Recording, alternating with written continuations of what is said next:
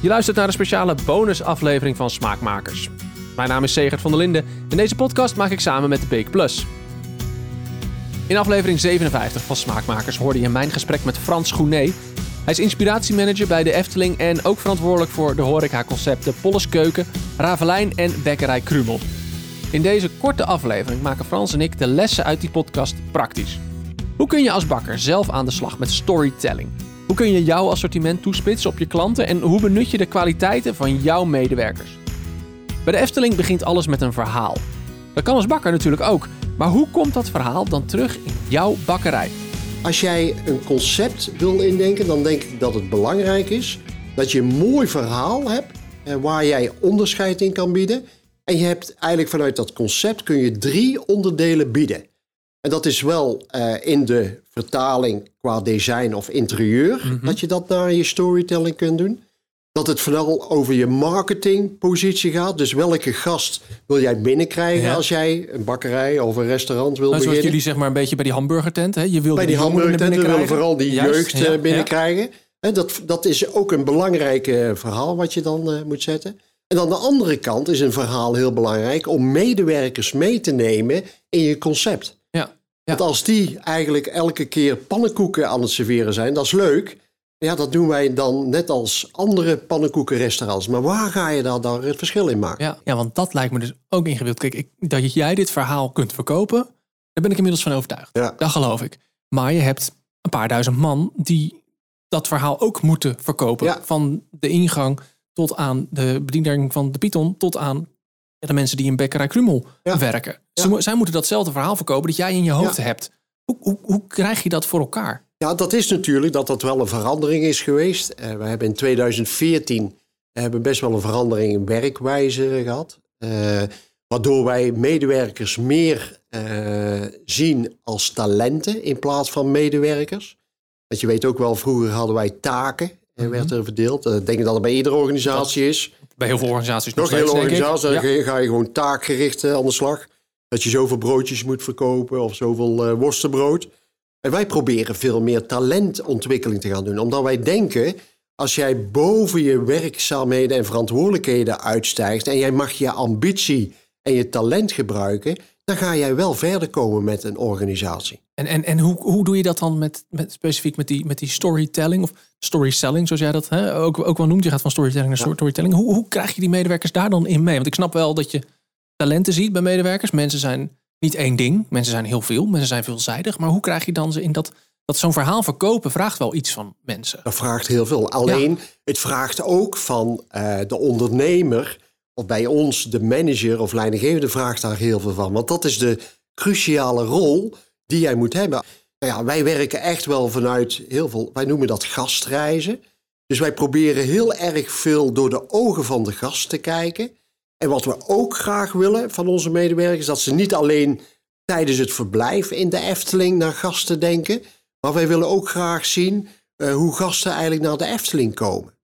En hoe, eh, als ze dan het verblijf hebben bij de Efteling... hoe ze dan daarna, eh, zeg maar, die herinneringen weer meenemen. Ah ja, zo ja. Maar Dus je moet je voorstellen, als ik, een, als, ik, als ik bijvoorbeeld een gast ben en ik kom naar de Efteling, dan zou het best een drukke dag kunnen zijn. en dan sta je in de file. En dan sta je misschien een aantal, eh, een kwartiertje of zo in de file. Dan kom je op het parkeerterrein en dan zie je 12,5 euro parkeergeld eh, die je moet betalen. Dan kom je eigenlijk maar met een klein zesje eh, binnen de, onder het huis van de vijf zintuigen. Als die medewerker dat niet weet dat, dat dat er zo aan de hand is, ja, hoe kan hij dan een bijdrage leveren om eigenlijk je gastwaardering te verhogen? Dus eigenlijk moet die medewerker ook een keer in de auto gaan zitten op een drukke zaterdag Ja. en daar in die lange file staan als je vanaf Nou, ik, de, ik denk niet bij dat. Ik denk en dat het al, ik denk dat het al in, eh, bij de eigen winkel of de eigen bakkerij eh, zou kunnen zijn. Want ik zie vaak, ik, eh, ik woon zelf in Kaatsheuvel, Mhm. een winkelgebied. We hebben ook heel veel bakkers eh, binnen Kaatsheuvel. En dan zie ik, en dan loop ik door die winkelstraat en dan zie ik een winkelbediende buiten even pauze nemen. En die drukt dan die sigaret eh, op, die, eh, op de straat uit. Daar begint mijn gastreis al, want ik zie dat gelijk. Ja, ik zie dat ook altijd staan, ja. Jij ziet het ook? Ik zie ze ook en ik denk dan ook gelijk, Dus daar begint, maar, dus ja. daar begint de gastreis. Dus als jij een conceptontwikkeling doet, dan is het niet alleen producten doorgeven, maar het is vooral de omgeving bekijken. Waar kan ik het onderscheid in bieden?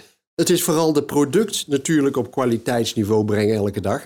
Maar het belangrijkste onderdeel om eigenlijk uh, zeg maar onderscheid te bieden, dat zijn wel je medewerkers die, die daar meehelpen. Ja, en die moet je vooral heel goed begeleiden. In mijn eerste gesprek vertelde Frans Groenet hoe de Efteling hun restaurants onderdeel laat zijn van de omgeving. Pannenkoekenrestaurant Polles Keuken is direct gelinkt aan Symbolica. Bekkerij Krumel hoort bij Max en Moritz.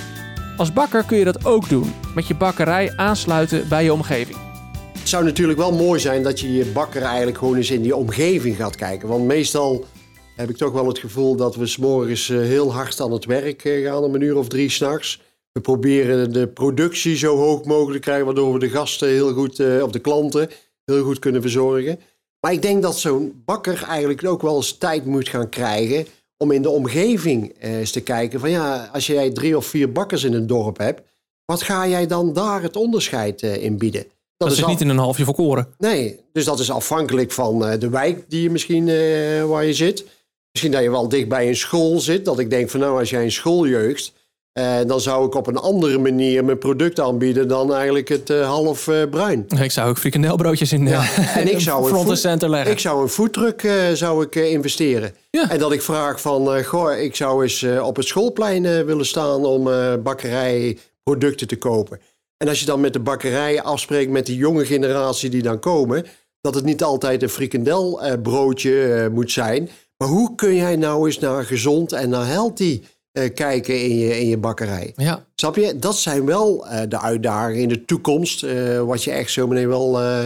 ja, dat, dat je die wel voorbij ziet komen. Ja, want, want om even terug te komen bij die jongeren, om daar even te blijven. Die, die gaan nu in een tussenuur, die gaan gewoon zo snel mogelijk naar de supermarkt. Ja. En die schrannen ze daar al vier croissantjes voor een euro. Ja. En, dan, en dan zijn ze weg. Die komen nooit in een bakkerij. Nee. Dus die klanten heb je ook niet, ook niet voor de toekomst, als ze misschien wel volwassen zijn. Dus hoe zou je nu voor elkaar kunnen krijgen? En ik denk dat de digitale eh, weg daarin helpt. Digitale middelen zijn steeds belangrijker. Eerder vertelde Frans al het verhaal van de pannenkoek frikandel speciaal, die mede dankzij de vele Instagram-posts van bezoekers een groot succes werd. Met dit soort acties trekt de Efteling een jong publiek naar hun restaurants. En zoiets kan ook voor je bakkerij.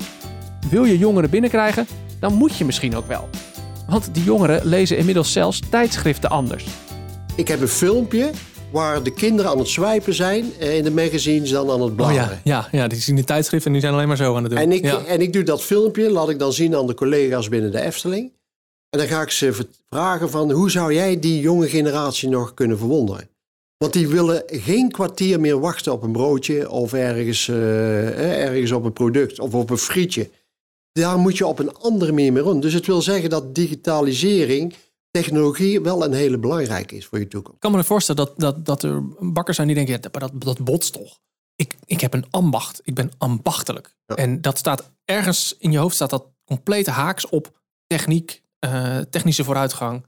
Uh, dus in mijn hoofd. Misschien ja. ben nee, nee, maar het moet, het moet niet alleen maar technologisch zijn. Het moet een goede balans zijn. Waardoor je zelf de ruimte en tijd krijgt om, voor, om de gasten of op de klanten uh, te, uh, in te zien van wat is nou de behoefte. Dus ik denk dat een mooi vraagstuk is van hoe gaan wij de jonge generatie in de ambachtelijke bakkerij weer krijgen. En dan zul je een bakkerij moeten gaan creëren wat betekenis heeft.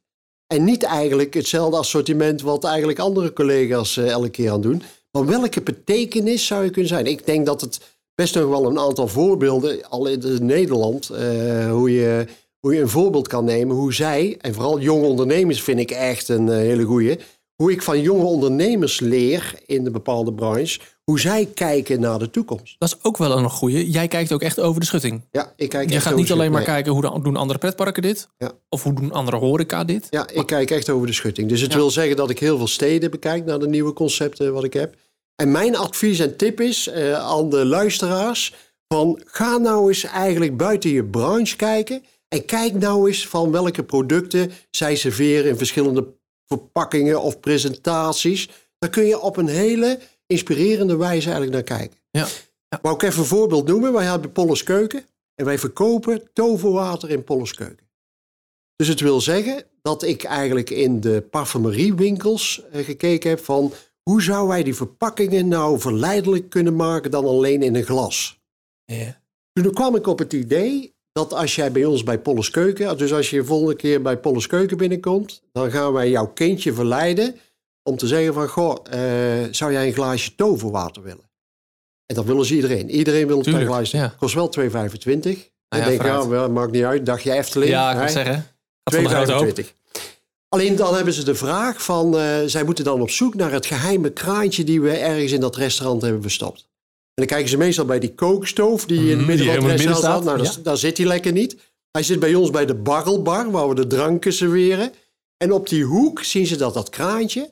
Dan gaan ze dat glaasje vullen met water en dan verandert het in kleur. En als je daar opdrinkt, dan word je net zo sterk als Pardoes. dat is eigenlijk hoe ik van storytelling naar storyselling wow. komt. Want dat je kijkt vanuit dat kindje van hoe kunnen we die beleving nou toevoegen. Ik denk, als je er tijd voor hebt.